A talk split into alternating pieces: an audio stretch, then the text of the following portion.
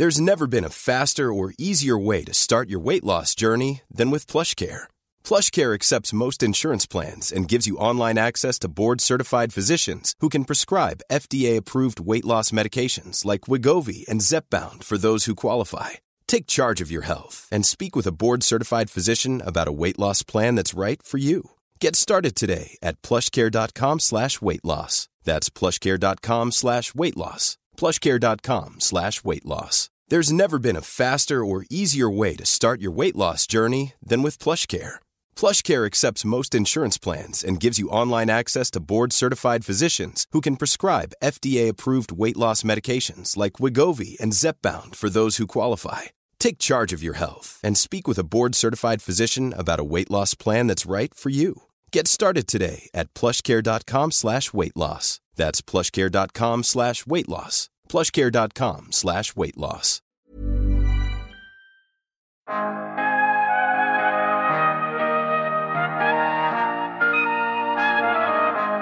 Det finns otroligt många som eh, också gillar forskning och som också har en passion för naturvetenskap. Och jag tror det är generellt för vilket intresse man än har. Att oavsett hur udda du tror att du har, liksom, intresse du har så finns det massvis som har exakt samma.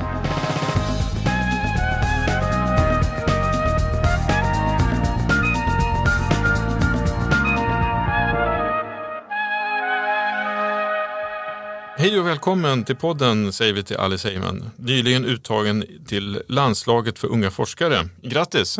Tack så jättemycket! Kul att ha dig här i studion. Eh, kan inte du börja med att berätta om det här projektet som tog dig in i det här landslaget och som du då ska tävla i VM med om jag förstår saken rätt? Ja, absolut. Eh, nej men det, allting började med att jag ställde mig frågan egentligen vad som betyder mest. Är det vad vi säger eller hur vi säger det? För att beroende på vad vi säger och liksom hur vi uttrycker oss så laddar vi ord med olika känslor. Och jag ville undra om de här känslorna också, om man kan se det på hur feminina och maskulina ord också associeras med olika känslor. Och om det kanske då kan spegla vad människor och samhället tycker om och tror om till exempel kön och kvinnor och män och så. Och vad blev resultatet då när du gjorde dina tester? Jo, det var ju då att när jag, jag körde igenom programmen genom, med 5000 böcker plus eh, olika låtar. Och det visade sig att feminina och maskulina ord förekom ungefär lika ofta i positiva sammanhang. Men att maskulina ord var tydligt mer kopplade till förtroende. Mm. Så det var nog eh, det största som man kunde se. Och det här är någon form av ett AI-program AI som du har fixat i ordning då? Ja, precis. Så att egentligen består projektet av två delar.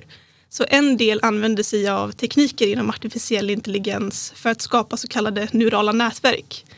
Och eh, då kan man då träna det här neurala nätverket för att med liksom, träningsdata som man har klassificerat tidigare. Och då lär den sig lite karakt alltså karaktärerna eller hur um, de här datan är uppbyggd. Och då kan man ge den ny data som den kan då göra och ge klassificeringar på. Men mm. sen den andra delen av projektet var att jag skapade en egen algoritm som eh, kunde omvandla ord till tal. Um, så det består liksom av två delar. Men varför valde du just det här ämnet och varför valde du just att arbeta med AI? Jag har alltid velat jobba någonting med AI för jag tyckte att det var så coolt. Och eh, under jullovet så tog jag en kurs på eh, edx.org som handlade om artificial intelligence med ett programmeringsspråk som heter Python. Och då kände jag, okej, okay, jag vill göra någonting med, eh, med artificiell intelligens. Men sen finns det också då ett område inom artificiell intelligens som heter natural language processing eller NLP. Och det handlar då om att man ska få maskiner att kunna analysera text och förstå det människor säger. Och jag blev väldigt fascinerad över det för att jag menar, mer och mer så får vi ju maskiner i vårt samhälle. Och om vi ska kunna interagera med varandra och kunna ha liksom en samlevnad med intelligenta robotar så måste de ju ändå kunna förstå oss och vi måste kunna förstå dem. Och genom att utveckla de här algoritmerna och inom NLP så kan vi överbrygga liksom den kommunikationskanalen att okay, vi kan kommunicera med dem med kanske ettor och nollor men nu kan de också kanske förstå oss på något sätt och kan ge oss också mer insikter och gå bortom det vi trodde vi kunde veta om vår, oss själva. Och det var ju lite där då jag ville kolla, men okej, vi kan analysera en bok, vi kan se kanske bara två sidor i taget och hålla det i minnet. Men vad händer om vi skulle gå igenom 5000 böcker? Vad, om vi går igenom miljontals ord på en och samma gång? Finns det mönster? Finns det saker och trender vi kan hitta som vi aldrig hade kunnat se liksom en människa i taget, men det vi kan se med datorer? Det låter ju otroligt spännande. Men hur kommer det sig då liksom att Alice Heyman står här och har gjort det här och tagit fram det här projektet? Var, var kommer teknikintresset från? Alltså jag brukar typ beskriva mig själv som en eh, nyfiken själ i en otroligt spännande värld.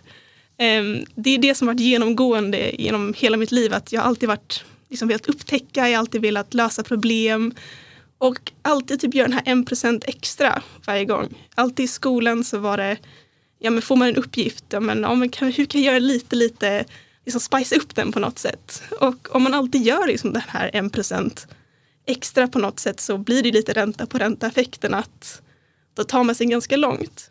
Men sen det här teknikintresset kom ju då från att ja men när tar liksom min mänskliga kapacitet slut? Där kan jag liksom skapa program som tar det vidare.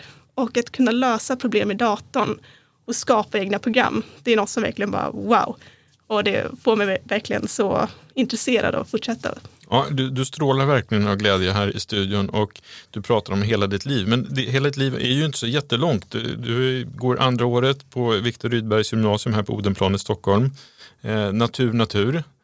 Eh, det krävs ju rätt höga betyg för att komma in där har jag förstått. Hade du A i alla ämnen i grundskolan? Ja, det hade jag, men eh, det mycket är liksom just eftersom att jag varit så passionerad över skolan och att lära mig nytt. Hur länge, hur länge har du programmerat då? Jag tror jag började ungefär när jag var 12 år gammal och programmera. Så det har blivit 5-6 år nu. Um, och allting började väl lite grann hemma. Pappa är ganska intresserad av programmering så då fick jag lite teknikintresset där. Och sen gick jag också på ett sommarläger eh, som heter Hello World. Det var det första lägret och då fick man introduceras till programmering och spelprogrammering främst. Och jag tyckte det var så himla coolt att göra ett eget program så då fortsatte jag hemma och gå onlinekurser utanför skolan då så kom jag hem och kunde sitta och då bara fortsatte det där.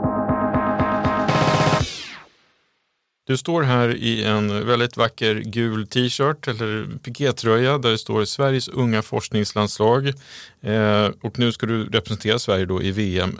Hur går det här till då? Ja, så ehm, um, VM kommer i år hållas um, digitalt. Så egentligen hade det varit i USA men vad man nu gör är att man gör en digital monter. Så man sätter ihop en poster eller liksom en beskrivning, en film och man har en labbrapport. Och då kommer man då få en jury som kommer bedöma sitt projekt. Och sen kommer man då ha videomöten med jurymedlemmarna där man då berättar om sitt projekt och de kan ställa frågor. Och sen så kommer det vara ungefär en vecka med aktiviteter, eh, onlineaktiviteter där man kan gå på föredrag och de kommer ha olika paneler och sen kommer då prisutdelningen. Vad vinner man då när man vinner? Det är lite olika. Ehm, dels har de eh, Eh, jag tror first, second och third prizes i olika, jag har för mig att det är ungefär 22 kategorier.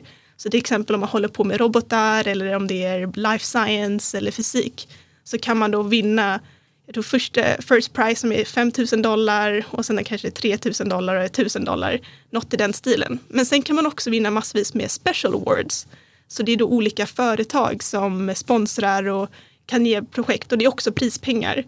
Och därutöver kan man också vinna stipendier. Så vissa universitet kan ge stipendier till sina skolor. Har du förhoppningar om att läsa USA på något bra eh, universitet där efter gymnasiet? Ja, men verkligen. Jag tror något av det största jag tar med mig från hela den här resan för, från unga forskare är att våga göra och våga drömma stort. Um, och tidigare så har jag inte riktigt tänkt på, men okej, okay, jag kommer väl antagligen läsa på KTH i Stockholm eller någonting sånt, eh, någon teknisk. Men nu märker man ju att det här med forskningsvärlden, det är ju så mycket större och på något sätt känns det som att man har hela världen öppen för sig nu. Och att komma in i VM gör ju att man kan träffa folk från andra kulturer och andra som också har forskningsintressen från hela världen.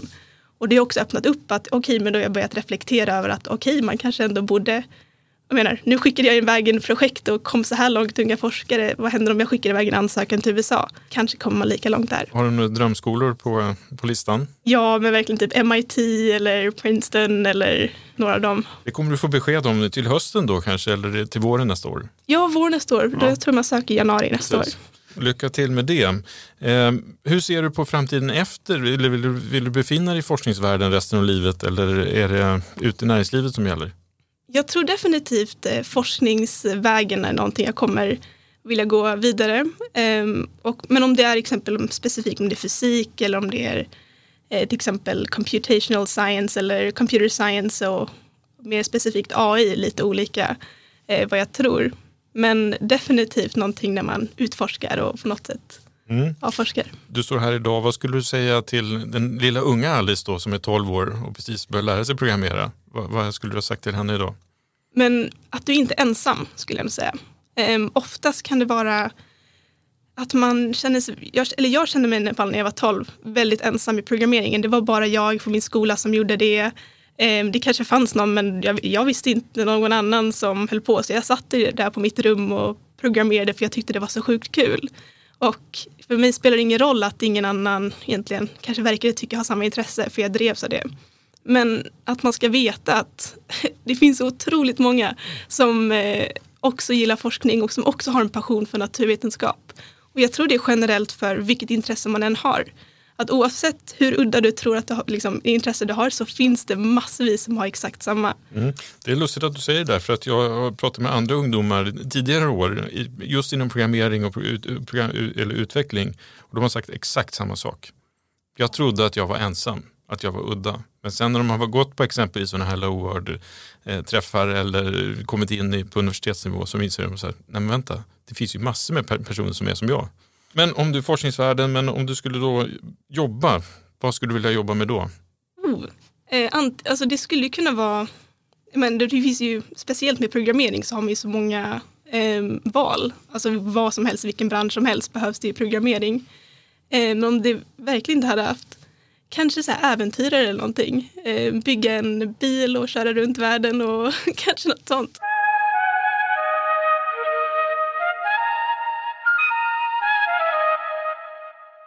Om du tittar framåt då, vad, vad, tror du kommer hända med teknikutvecklingen? Vad, vad, vad ser du som är mest spännande? Jag tror mycket att det kommer kanske gå väldigt snabbt. Eh, speciellt om man lyckas knäcka eh, saker som kvantdatorer eller också med artificiell intelligens tror jag ändå att det kommer gå mycket liksom snabbare. Vi kunde kunna accelerera forskningsarbetet. Speciellt om vi har kvantdatorer kunna göra beräkningar mycket snabbare i kombination med att vi utvecklar verktyg som kan hitta nya mönster. Så jag tror att det kan bli ett väldigt bra redskap för forskare. Hur, hur konsumerar du medier eller information? Liksom, hur lär du dig om det nya och teknik och teknikutveckling? Jag läser dels eh, online-tidningar om eh, teknik och, eh, programmering och forskning. Podcast har jag börjat lyssna på, speciellt nu under corona. Det är varje lunchrast så går man ut och tar en promenad och så har man någon fysikpodcast i lurarna eller någonting. Men sen för att lära mig, lära mig själv om teknik så är det mycket onlinekurser, göra egna projekt. Har, har du någon förebild, några idoler? Ja, det finns en som heter Demis Hassabis som är CEO på DeepMind. Ehm, som jag verkligen ser upp till och som har väldigt liknande, men som ändå satte ord på något som jag också själv har känt ganska länge. Just det här med att liksom, we solve intelligence to solve everything else. Liksom. Att vi, an, vi kan försöka, deras mål är att försöka skapa det här artificial general intelligence som ska vara bra på väldigt mycket. Och de har ju redan lyckats till exempel förutspå hur eh, proteiner ska liksom, alltså hur de vrider sig och det är jättekola saker man kan applicera det på. Men just Demi som person har verkligen som varit framgångsrik och hoppat över massvis med klasser och programmerat sedan tidig ålder och väldigt driven person. Mm. Du går ju som sagt var på andra året på gymnasiet. Vilka, vilka frågor som diskuteras i skolmiljön när det kommer till klimat och teknik och eh, framtid? Ja, men jag tror definitivt att klimatet är en stor hjärtefråga för um, ungdomar. Um, mycket här med att vegetarian och bli vegan är väldigt stort utbrett. Speciellt i skolan så tycker jag är bra. Då får man ju, vi har i alla fall valet att kunna ta vegetari, vegetariska alternativ hela tiden. Um, teknik har också sett att programmeringsintresset har växt stort. just bara på min skola är det jättemånga som verkar vara intresserade av programmering och vilja förstå vad det är. För jag tror mycket handlar om att vi är ju den liksom, första generationen som ändå växer upp, liksom en av de första generationerna som växer upp med det här med internet och teknik. Och det har gjort att ja, men vi har använt det men det kan också ha lite nackdelar. Att vi kanske tar det för givet. Eftersom att allting har blivit så polerat och vi har så bra user interfaces och så kanske man inte för, alltså undrar över vad som finns bakom. Att det är faktiskt någon som har suttit eh, bakom och programmerat. Men det är ju verkligen eftersom att teknik har blivit så stor del av vårt samhälle så tycker jag nästan att det är någonting som borde vara likvärdigt med samhällskunskapen. För att det är en så stor del och vi behöver förstå kod och förstå programmering för att kunna förstå det vi håller på med. Och jag tror fler börjar inse det. Mm. Jag tänker så här, du som är så kunnig då och så intresserad av programmering, när du liksom tar dig fram och tillbaka till skolan eller på fritiden, går du och funderar på eller när du ser saker som, fan, det där borde man ju kunnat gjort bättre. Där borde man kunna programmera på ett bättre sätt. Tänker du så? Ja, alltså absolut. Eh, precis efter man hade lärt sig webbprogrammering till exempel, då började jag samla på, eh, på min dator så här, bokmärken över hemsidor som jag tyckte behövde fixas. Liksom, för att de inte, och så. Men det är väldigt ofta som jag tänker, här, speciellt manuella saker. Om någon sitter och manuellt håller på med tal så är det bara, men det där kan man ju automatisera med programmering mycket enklare. Men också när man cyklar så är det ju många gånger man kollar och, ja men går det där att skapa eller går det där att eh, göra på något sätt med programmering? Och ibland så på mattelektionerna kanske man istället för att vilja lösa problemet för hand kanske man tar upp datorn och programmerar en lösning istället för att det är lite snabbare. Gör du det ofta? Speciellt i grundskolan var det när de gav, när lärarna, om man, var, om man var liksom, hade blivit klar med alla så gav de de här uppgifterna som skulle ta jättelång tid att lösa bara för det var så himla mycket beräkningar. Och då tog jag upp lite datorn vid sidan om och programmerade lösningen istället så blev man klar ändå. Vad, vad sa lärarna då, då? De tyckte nog bara det var kul. De bara, hur gjorde du det där? Jag bara, jag programmerade Python och jag tror de bara tyckte det var roligt och ville uppmuntra det. Hur mycket tid lägger du på att programmera på fritiden? Då? Jag försöker programmera no någonting lite varje dag. Um, och jag försöker mer göra det som en vana. Uh, jag har för minimum så 15 minuter i dagen ska jag kunna programmera på något projekt eller någonting. Bara för att hålla det igång. Mm. Um, men till exempel under lov och under helger, så speciellt nu under unga forskare, den här, så har det blivit väldigt mycket programmering.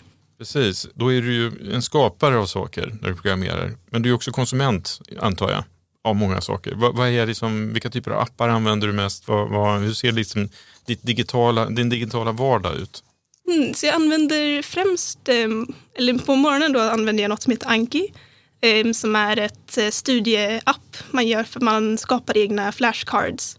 Och det är liksom för att mm, effektivisera eh, inlärningen. Så man använder olika principer som space repetition och active recall som gör att man lär sig mycket bättre och effektivare. Så då går jag igenom Alltså jag skriver över alla mina anteckningar från skolan in till kort. Och så får jag dem i eh, liksom, strategiska intervall som gör att jag kan då komma ihåg allting från kurserna ut, äh, genom att repetera det varje morgon lite grann. Då, då, då. finns det som en app i mobilen också? Ja, precis. Så det finns både som en, det är gratis på datorn men det kostar om man vill ha den som en app. Det är värt det. Och sen Spotify då för eh, podcast brukar jag använda och musik. Um, Todoist för att hålla reda på to-do-listor. Um, Google Calendar för att hålla koll på scheman och så. Um, och sen Skillshare och olika YouTube för att kunna kolla på mattevideos eller kurser om programmering och produktivitet och så. Ingen Netflix och sånt där? Jag har aldrig varit, ehm, det är många, jag vet jag har känt det, jag har aldrig liksom varit eh, mycket för Netflix. Jag har försökt att kolla på någon serie någon har tipsat men jag är så himla rastlös av mig så jag kan inte sitta och kolla på en serie. Det, och filmer, det har inte varit eh, min grej riktigt. Och, om Snapchat och TikTok och Instagram och den typen av medier? Eh, jag har Snapchat och Instagram för att kunna hålla kontakten men om det är någon som behöver nå mig så behöver de mitt nummer och ringa för att jag har inte notifikationer på de sociala medierna. Så vill man nå mig snabbt då, då är det ringa som gäller. Ja. Om vi tittar ytterligare längre fram i tiden, vad, vad tror du liksom kommer vara de stora förändringarna eh, som påverkar oss mycket sett till teknikutveckling om typ 10-15 år? Jag antar väl att det blir ännu mer kanske än det vi har idag. Det är ju redan väldigt integrerat. Men eh, ja, man får ju se om det blir någonting att integrera som så här augmented reality. Det har man redan börjat lite grann på. Men definitivt att allting blir mer och mer digitaliserat, antar jag. Mm. Om Alice kommer hit eh, om tio år, var, befinner du dig i världen och vad håller du på med då? Um, då har jag väl antagligen gått ut universitetet. Oj, ja, men då är man väl antagligen på någon forskningsinstitution. Drömmen hade kanske varit att jobba på någon jag menar, partikelaccelerator och söka efter mörk materia där. Eller om man befinner sig vid något observatorium med astrofysik eller någonting. Mm. Stort tack Alice för att du kom till podden och lycka till i VM. Tack så jättemycket.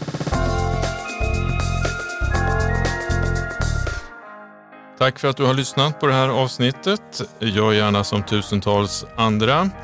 Gå in och klicka på prenumerera så missar du inget avsnitt. Vi hörs. Hej då!